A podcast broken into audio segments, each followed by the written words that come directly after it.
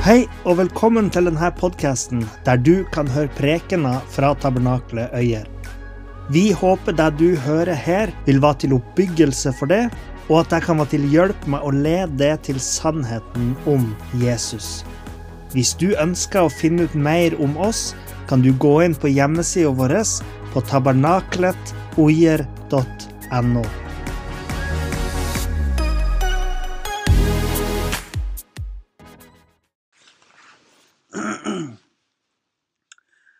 Godt nyttår.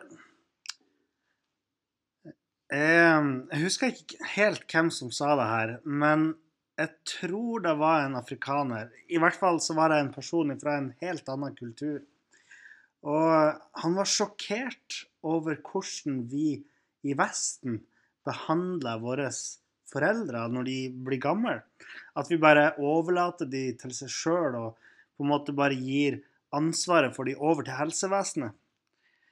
Uh, og vi tenker jo at vi har et godt helsevesen og sånt, men, men for han så var det liksom helt fremmed. Og, og, det er jo på en måte forståelig at en person som kommer fra en kultur der det er vanlig å bo sammen med eller i nærheten av foreldrene hele livet, og hvor man sjøl må ta seg av dem når de blir gamle, at en sånn person reagerer på hvor stor forskjellen er mellom der og her. For det er jo ikke så lenge siden det var på samme måte her hjemme òg.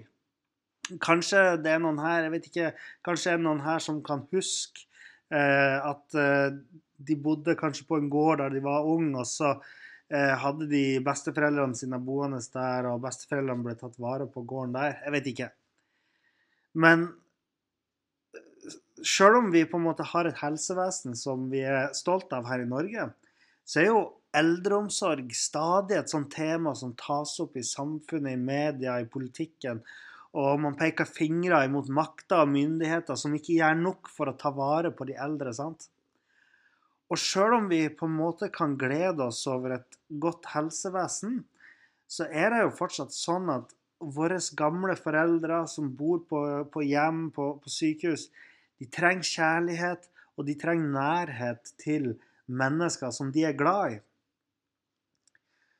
For oss som er barn, så er det å hjelpe våre gamle foreldre faktisk en del av det å være gode mennesker. Og derfor så er det femte bud av de ti bud i andre Mosebok, kapittel 20, vers 12, du skal hedre din far og din mor, så dine dager kan bli mange i det landet Herren din Gud gir deg. Dere vet, vi lever jo i en kultur der familien som institusjon svekkes på flere forskjellige måter. Eh, jeg kan nevne ting som at familiene i Norge eller i Vesten er mer fragmentert enn mange andre plasser i verden. Vi lever ofte lenger borte fra foreldre og søsken og har mindre kontakt. Og, og ekteskap har fått en svakere stilling, skilsmisse bryter opp familier. Eh, du tenker på individualisme, personlig frihet og verdien av uavhengighet og sånne ting. Bidrar til å svekke verdien av både ekteskap og familie-barnerelasjon, og dermed familien. Så jeg vet ikke om det er noen av dere som vet hvilken straff man risikerte hvis man brøt budet om å hedre sine foreldre. Vet dere ikke Moseloven sier om det? Jo, det står der at hvis du hadde en ulydig og opprørsk sønn, så kunne han bli dømt til døden av lederne i byen, av de eldste i byen. Og akkurat som når vi har snakka om de andre budene, sånn som avgudsdyrkelse, misbruk av Guds navn osv., som òg hadde like alvorlig straff, så skjønner vi jo at dette budet var òg veldig viktig. Eh, men som jeg har forklart før, sant, så utøver vi jo ikke sånne her straffer i kirkene våre. Eh, det tilhører på en måte ikke kirkens tidsalder. Men det gjør at vi kan teste våre egne holdninger opp imot budet. Vi kan spørre oss sjøl hvor viktig har du egentlig tenkt at det å hedre dine foreldre er? Jesus han fortalte en lignelse om en sønn som ville ha arven sin på forskudd for å gå ut i verden og leve et utsvevende liv. Eh, ofte så kaller vi denne lignelsen for eh, lignelsen om den bortkomne sønn, men egentlig så handler det jo om den kjærlige far. Så hvis du ser i nyere bibeloversettelser, så står overskrifta 'Den kjærlige far'. Og når vi skjønner litt mer av kulturen og lovene som gjaldt for de menneskene som Jesus fortalte denne lignelsen til. Altså, Jesus han, han eh, forkynte jo til et publikum. Han forkynte jo til de menneskene som eh, bodde og levde eh, i Israel på den tida. Og de hadde jo denne Moseloven som bakgrunn for sin forståelse av det Jesus snakka om. Så når vi skjønner litt mer av bakgrunnen, så skjønner vi òg um, mer av hvor alvorlig de ville sett på oppførselen til denne sønnen i lignelsen. I deres øyne så ville jo denne sønnen være en som fortjente å bli steina. Så hvor mye større blir ikke da slutten på lignelsen? At faren tilgir han, og til og med lager i stand en hjemkomstfest for han. Det er en helt ufortjent nåde. Et så sterkt bilde på den nåden som Gud, din far, vil gi til det og alle som vender om og kommer tilbake til Han og ber om tilgivelse. I tillegg så skjønner vi at Sønnen sier noe som er relevant når vi snakker om budet om å hedre våre foreldre. Det står i Lukas 15, 21, der sier sønnen eh, til pappaen sin 'Jeg har syndet mot himmelen og mot deg'. Å bryte dette budet er ikke bare noe som er kjipt for foreldrene dine, og som skader familierelasjonene, men det er òg en synd mot Gud. For det er hans bud, det er ikke foreldrene sitt bud. Det er ikke noe som foreldrene har kommet på for at de skal ha et bedre liv. Det var ikke liksom en gjeng med foreldre som satte seg ned og tenkte du, forresten, vi burde kanskje legge til en lov som gjør at ungene våre er lydige. Nei, det er Guds bud som han har gitt oss for at han vil bevare gode familierelasjoner. Og vi kan snu det på hodet og ikke se det fra den negative vinklinga, men vi kan se det sånn at å hedre vår mor og far er både noe som gleder Gud, og som gleder våre foreldre. Og når vi kommer til Det nye testamentet, altså til eh, til det som er eh, retta inn mot kirken og til menighetene, så skriver Paulus i Efeserbrevet kapittel 6 vers 1-4 eh, om både barnas rolle i forbindelse med dette budet, men så snakker han i, i samme, på en måte, eh, samme vending om foreldrerollen. Han skriver dere barn Efeserbrevet kapittel 6 vers 1-4. Dere barn, Vær lydige mot deres foreldre i Herren, for det er rett. Hedre din far og din mor. Dette er det første budet med et løfte, for at det kan gå deg godt, og du kan leve lenge i landet. Dere fedre, egg ikke barna deres til vrede, men oppdra dem i Herrens tukt og formaning. Så før jeg sier mer om hva det vil si å hedre sine foreldre, så er det naturlig å si noe om foreldrerollen. Fordi Bibelen har mye å si til foreldrene òg, som er et bakteppe for dette budet. For alle de andre budene gjelder jo for foreldrene. sant? Sånn at foreldrene hadde jo allerede et ansvar om å leve etter eh, de andre budene i Guds lov. Så står det i 5. Mosebok kapittel 6 vers 6-7. Disse ordene jeg befaler deg i dag, skal forbli i ditt hjerte. Du skal lære dem videre til dine barn, og du skal tale om dem når du sitter i ditt hus, når du går på veien, når du legger deg, og når du står opp. Foreldrene sin rolle er altså å være gode lærere for sine barn, og lære dem å leve etter Guds vilje. Jeg bruker å si at det viktigste for meg som pappa er jo å kunne gi troa mi videre til ungene. Jeg har et håp om at de skal, skal få denne troen på Jesus som jeg har. Og av den grunn så kunne Paulus skrive til korinterne og kalle seg deres far.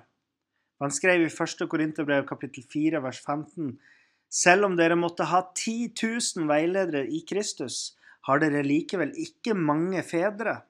For i Kristus er det jeg som har født dere ved evangeliet. Han var deres veileder i evangeliet. Han lærte dem opp i det gode budskapet om frelse ved troen på Jesus. Det er den viktigste oppgaven til fedre og mødre. Og er det ikke da litt rart eh, på en måte hvor villige vi er til å gi vekk foreldreansvaret vårt til andre? Jeg ser jo ikke det at uh, ikke andre kan bidra til å lære opp ungene våre, men mange i dag, til og med uh, mange av oss kristne, legger ansvaret for en større og større del av barnas oppdragelse på f.eks. barnehageansatte og lærere, samtidig som foreldrerollens betydning i barna sitt liv blir mindre. Nå så sitter vi rundt middagsbordet, og så hører vi bare en brøkdel av det ungene våre har blitt lært.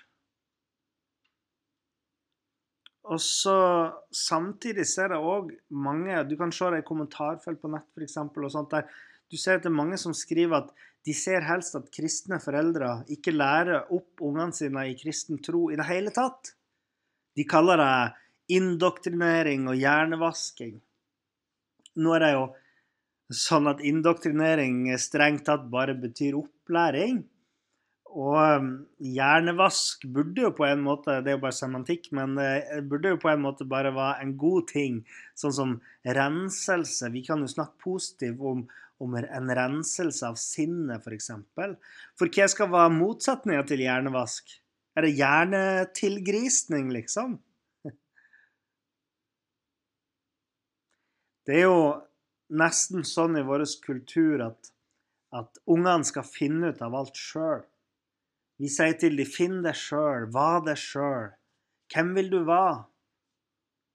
Vi gir dem så mange valg. De skal til og med ikke sant, være Vil du være gutt, eller vil du være jente? Det er litt som at vi heier fram den bortkomne sønn idet han forlater hjemmet i den lignelsen Jesus fortalte. At vi sier til en bortkommen sønn liksom 'Bra for det! Vis at du kan! Var uavhengig. Utforsk verden sjøl. Det høres kanskje fint ut, men jeg tror det er naivt. For tenk på det tunge ansvaret vi legger på ungene våre. Det er litt som at vi ber dem om å finne opp kruttet på nytt. Finne ut av ting sjøl, liksom. Men sånn har det ikke alltid vært.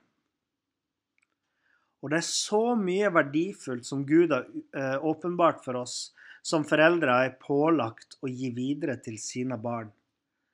Og det er ikke sånn at Guds ord eller Bibelen er ei mattebok eller ei naturfagsbok eller ei musikkbok, men i Guds ord så finner hvert menneske det de trenger for å leve et helt liv og et verdig liv, og der finner vi til og med frelsesveien. Tidligere i denne prekenserien så påpekte jeg at jødene fikk først frihet fra slaveriet, og deretter så fikk de loven.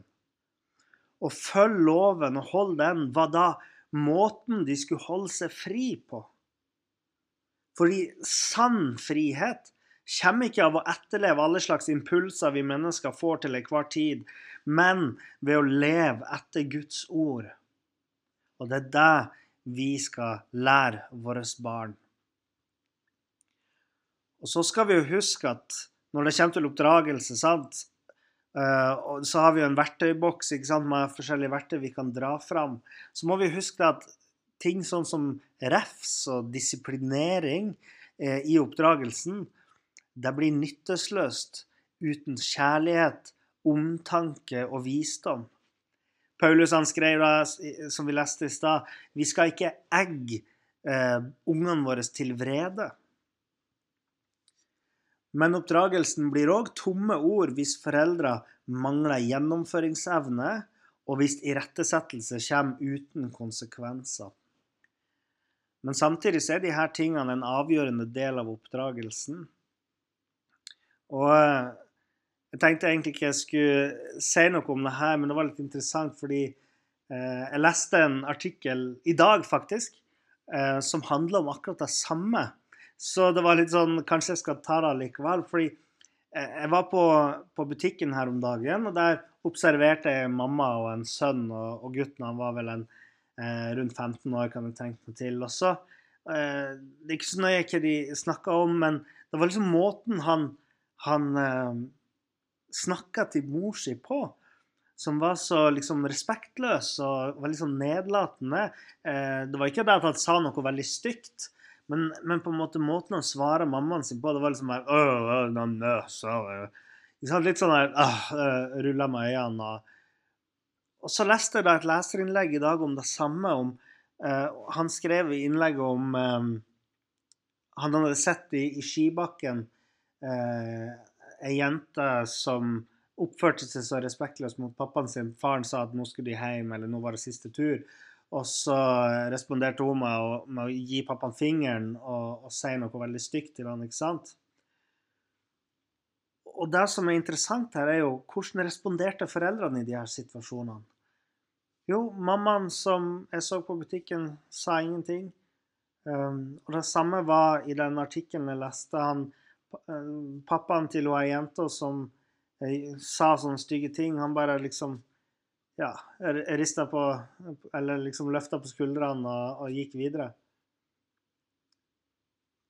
Og uh, jeg tenker at det sier noe om hvordan ting har forandra seg eh, med tanke på forholdet til autoriteter, respekten for autoriteter. Og Jeg leste et annet interessant leserinnlegg i Bergens Tidende for noen uker siden.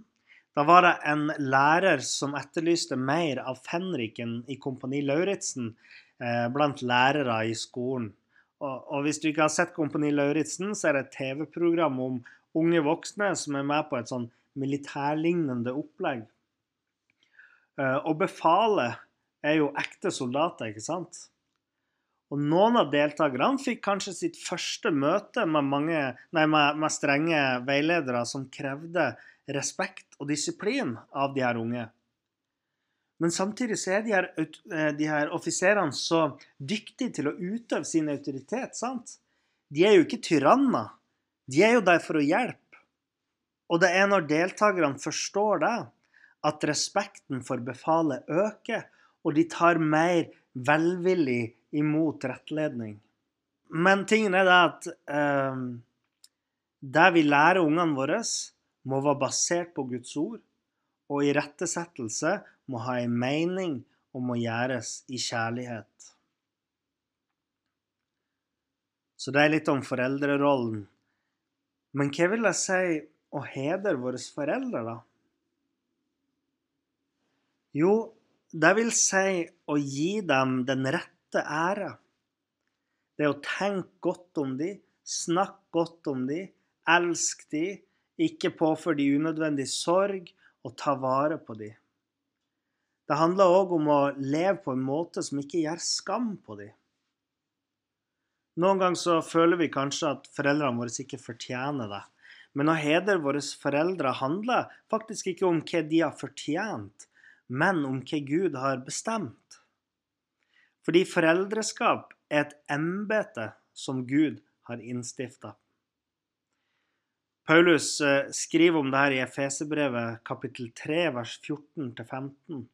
Der sier han derfor bøyer jeg mine knær for vår Herre Jesu Kristi Far, fra Ham som ethvert farsforhold i himlene og på jorden har fått sitt navn. Altså, foreldreskap gjenspeiler noe ved Gud. Fordi forholdet vårt til Gud ligner på et, et barns forhold til sine foreldre. Og foreldreskap er derfor en rolle som skal hedres, til og med når foreldre er uperfekte og gjør feil.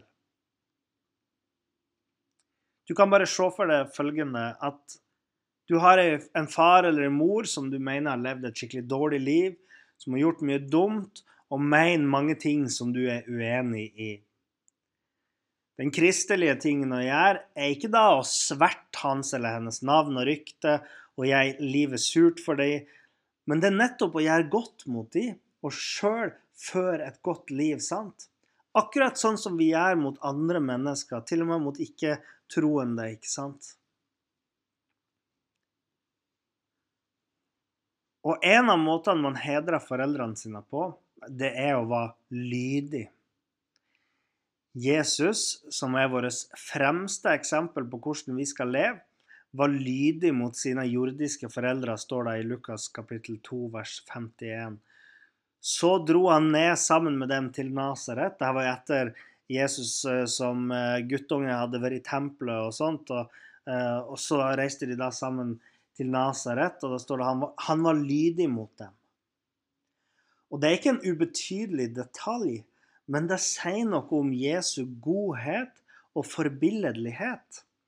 Det sier noe om eh, Spesielt for de som levde i den kulturen, så sa det noe viktig om eh, hvordan Jesus overholdt loven og levde et syndfritt liv, til og med i sitt forhold med foreldrene sine. Og så skriver Paulus eh, om ulydighet mot foreldre som en av mange synder i Romerbrevet 1 og 2. Timoteus brev kapittel 3. Og alle barn er jo så klart ulydige. Men som vi ser fra f.eks.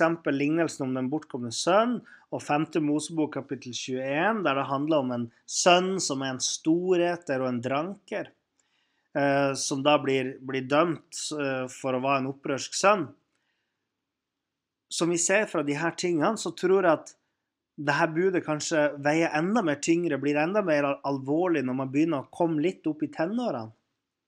Fordi jeg kan jo umulig se for meg at det var dødsstraff eh, for femåringer som gjentatte gang nekta å spise opp maten sin, liksom.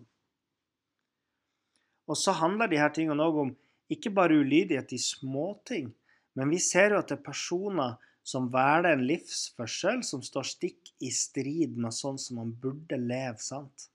Det, det de gjør, er å leve i, i opprør mot foreldrene sine. De forkaster den sunne læren som de har fått overlevert til seg. Det er ikke å si at man ikke skal være lydig i småting òg, som eh, barn. Men, men, i de her eksemplene så ser vi at det er ganske alvorlige brudd, på, brudd med oppdragelsen de har fått. da. Men lydigheten har òg sine grenser. Uh, I det budet om å ikke tilbe bilder, så sier Gud, for jeg, Herren din Gud, er en nidkjær Gud som hjemsøker foreldrenes skyld på barna i tredje og fjerde slektsledd når de hater meg. Det står i 2. Mosebok kapittel 20 vers 5. Det betyr ikke at Gud automatisk vil straffe dine oldebarn for dine synder. Heldigvis, kanskje. Men det handler om at våre syndige vaner har en tendens til å gå i arv. Akkurat sånn som de gode tingene vi lærer ungene våre. Og det står her at Gud hjemsøker kommende slektsledd når de hater han. Hvorfor hater kommende slektsledd Gud? Fordi de var lydige mot foreldrenes ugudelighet. Sant? De hermer etter de onde tingene som foreldrene gjorde. Du kan bare lese i kongebøkene i Bibelen og se der hvor ofte ungene fulgte i foreldrenes syndige livsførsel, fortsatte synden liksom sjøl. Så når det kommer til vår lydighet til foreldrene våre, så rekker den bare så langt Gud tillater det. Jeg mener er at Hvis foreldrene dine krever noe av det som Gud har forbudt, da skal du være lydig mot Gud og ikke mot foreldrene dine. Vi leste tidligere fra Efeserne kapittel 6 vers 1, og der sto det Vær lydige mot deres foreldre i Herren. Altså skal vi være lydige i Herren Jesus Kristus. Det betyr at vi først eh, skal være lydige mot Jesus, og deretter mot foreldrene våre. Vi skal bare være lydige mot foreldrene våre så lenge det er i tråd med det å leve et liv for Jesus. Så det er den ene tingen som begrenser lydigheten. Den andre tingen er at etter hvert som vi blir voksen, så blir vi mer og mer uavhengige av foreldrene våre. Og kanskje vi får våre egne familier. Og naturlig nok så vil vi jo ikke være lydige mot foreldrene våre på samme måte som da vi var små barn. Eh, pappa kan liksom ikke bare ringe meg i dag, eller jo, han kan ringe meg men, og, og, si det, men eh, han kan ringe og si meg at jeg skal uh, rydde rommet mitt nå, sant? Men da kommer jeg nok til å si noe sånt som Nei, det, det har jeg ikke tenkt å gjøre nå. Men ingen av disse tingene er ment eh, for at vi skal komme på enkle unnskyldninger for ulydighet, eh, eller at vi skal bli sånne kverulanter som begynner å kverulere med foreldrene våre og, og begynner liksom eh, finne på bibelsteder som sier Nei, nei, jeg skal ikke rydde rommet mitt nå, fordi det står jo i Efeserbrevet at sånn, sånn, sånn. Fordi det var den måten fariseerne holdt det på. Um, som fant på unnskyldninger for hvorfor de ikke skulle hedre sine foreldre. Og til og med jeg som er voksen, som ikke trenger å lyde foreldrene mine som et barn, jeg avfeier ikke bare foreldrene mine eller ser helt bort fra gode og velmente råd som de kommer med. Samtidig så har lydigheten en grense, spesielt der hvor foreldrene våre vil ha oss til å gjøre ting som åpenbart går mot Guds ord. En annen måte man hedrer foreldrene sine på, er ved å vise dem respekt. Det handler òg om hvordan vi snakker til dem. Det er å ta hensyn til følelsene deres og ønskene deres. Og det å tillate dem å utøve en autoritet i livet vårt, eh, og lytte til deres råd og ta imot deres veiledning. Så du har lydighet og respekt, og nok en måte å gjøre det på er å vise takknemlighet. Å være en forelder er ingen enkel oppgave. Foreldre ofrer så mye av seg sjøl for å ta vare på ungene sine. De rydder, de jobber, de lager mat, de bruker penger, tid og krefter på at ungene skal ha det bra. I hvert fall så er det det vi skal gjøre som foreldre. Så det minste eh, vi kan gjøre, er å vise takknemlighet for det de har gjort for oss. I tillegg så kan vi vise dem kjærlighet. Noen ganger så kommer kjærligheten til uttrykk ved at vi er lydige, respektfulle og takknemlige. Andre ganger så må kjærligheten vise ved tålmodighet, overbærenhet og tilgivelse. Fordi foreldre de er bare mennesker, de òg. Noen ganger så kan de bruke eh, lang tid på å forstå det. Eh, noen ganger så gjør de ting eh, kanskje på en annerledes måte enn sånn som du ville gjort det. Og noen ganger så gjør de ting som er direkte syndig. Men en av tingene som dette budet lærer oss, er at barn har òg et ansvar for å bevare freden i hjemmet og i familien. Jeg har eh, sjøl vokst opp, faktisk, sjøl om det mange som, som sier at uh, jeg må, har enda litt mer å gå på. De ser at jeg drikker ikke kaffe, og så sier de 'Å ja, er du ikke voksen ennå?' Ikke sant? Jeg får jo høre det her to ganger i uka, sikkert. nei, nei, nå overdriver jeg kanskje litt, da. Men jeg får ofte høre det. ikke sant? 'Å, er du ikke voksen ennå?' Men jeg har vokst opp uh, i hvert fall ganske mye, og jeg vet hvor ofte jeg har tatt ting for gitt. Uh, at jeg noen gang tenkte 'Å, sånn skal ikke jeg bli når jeg blir forelder'. Eh, vet hvor egoistisk jeg kunne være, eh, hvor lite jeg reflekterer over hvordan mine handlinger faktisk påvirker mamma og pappa. Eh, jeg tenker på hvor ofte jeg kunne brukt mer tid sammen med dem. Hvor ofte jeg kunne ha snakka mer med dem. Mamma brukte alltid å spørre meg ja, ja, hun gjør det kanskje noen gang fortsatt, litt sånn for å erte meg. Eh, spesielt når jeg var tenåring, eh, så sa hun 'Skal vi snakke om ting du ikke vil snakke om?' Og det var jo hennes uttrykk på en måte for eh, et ønske om å høre mer om livet mitt. Og heldigvis så er det jo sånn at sjøl om jeg er voksen nå, Så er jeg fortsatt mamma og pappa sin sønn, så jeg har enda tid på meg til å hedre dem. Jeg har fortsatt et bud å leve etter. Så dette budet peker òg på at barn har òg et ansvar. Eh, Jesus irettesatte fariseerne for å vri på dette budet i Matteus kapittel 15. Fordi de lærte at i stedet for å hjelpe foreldrene sine, så kunne man jo bare tjene Gud. Men Jesus sitt poeng var at dette var en feiltolkning av budet. De trodde at de hadde funnet et smutthull i loven, men virkeligheten var at de bare hadde funnet ei unnskyldning for ikke følge budet.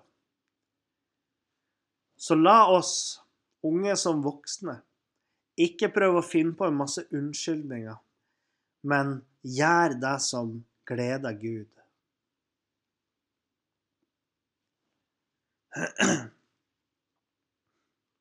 Jeg skal straks gå imot ei avslutning, men jeg vil bare nevne at du skal huske på at det ligger et uh, løfte i dette budet, som òg gjentas av Paulus, uh, som er at uh, når du hedrer dine foreldre, så skal du leve et godt liv og leve lenge.